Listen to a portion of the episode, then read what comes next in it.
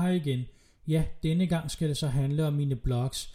Jeg startede egentlig med at lave det, fordi jeg havde skrevet nogle bøger og klummeagtige artikler, som jeg ikke kunne få udgivet andet steds i gængse medier.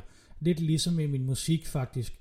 Man har nok kunnet fornemme det i nogle af mine sange og videoer, men her bliver jeg rigtig samfundskritisk og revsende. Og endda nogen, hvor jeg decideret brokker mig. Så lad mig lige rise dem op fra listen.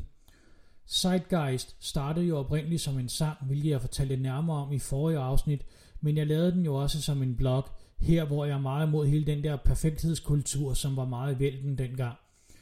Mænd og kvinder, ja, titlen siger vel det hele. 4 kilo, min egen nøgleroman, Usædelighedens undermave, min klichéfyldte detektivroman, hvor jeg hudfletter det byråkratiske system, jeg havde været inde i med kommunen. Internet Inside Inside, et indlæg om den, digi- om den digitale tidsalder med et lille digt i starten og slutningen. Talemåder Blacklist, ja, simpelthen en lille liste over alle de tåbelige talemåder, vi ynder at gå og gøre brug af. mentaliteten, hvor jeg går meget imod småborgerligheden. Mediemøllemaskinens megamanipulation. Ja, lidt mere af det samme, men hvor jeg samtidig også langer ud efter underholdningsbranchen og den svanetænkning, lidt ligesom jeg også gør i de tidligere Zeitgeist og branchebeef. Selvforskyldt undskyldning, om at også anerkende sine egne fejl og mangler, ligesom jeg også gjorde i nummeret skiftningen.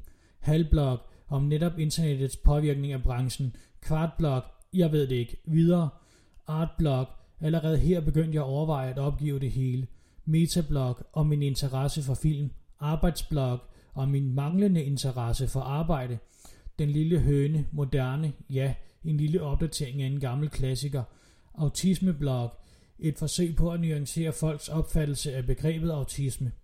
Kunstblog, endnu et indlæg om min interesse for kunst og kreativitet, denne gang sat i ret stærk kontrast til resten af vores samfund. Mandagsblog, ja, et lille tankespind om selve begrebet mandag.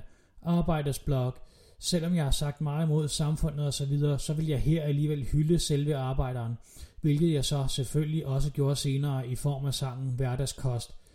En anden retning, om at man måske ikke altid behøver at gå den slagende vej. Jeg gjorde ikke, derfor kan det jo godt gå alligevel. Det gjorde det for mig. Kasseblok og et, og et lille tankespind om det begreb. Så det var alle mine blogs indlæg, i hvert fald indtil videre. Nogle af dem havde jeg mere at sige om end andre.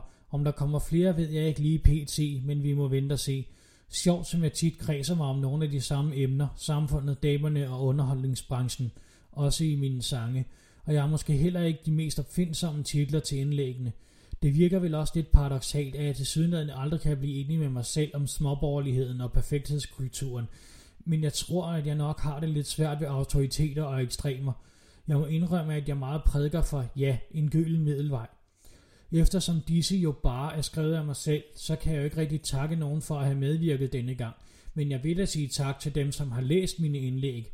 Og også tak for, at du lyttede med. Det håber jeg, du vil blive ved med. Næste gang, så tager vi en opsummering. Men indtil da, så hej hej.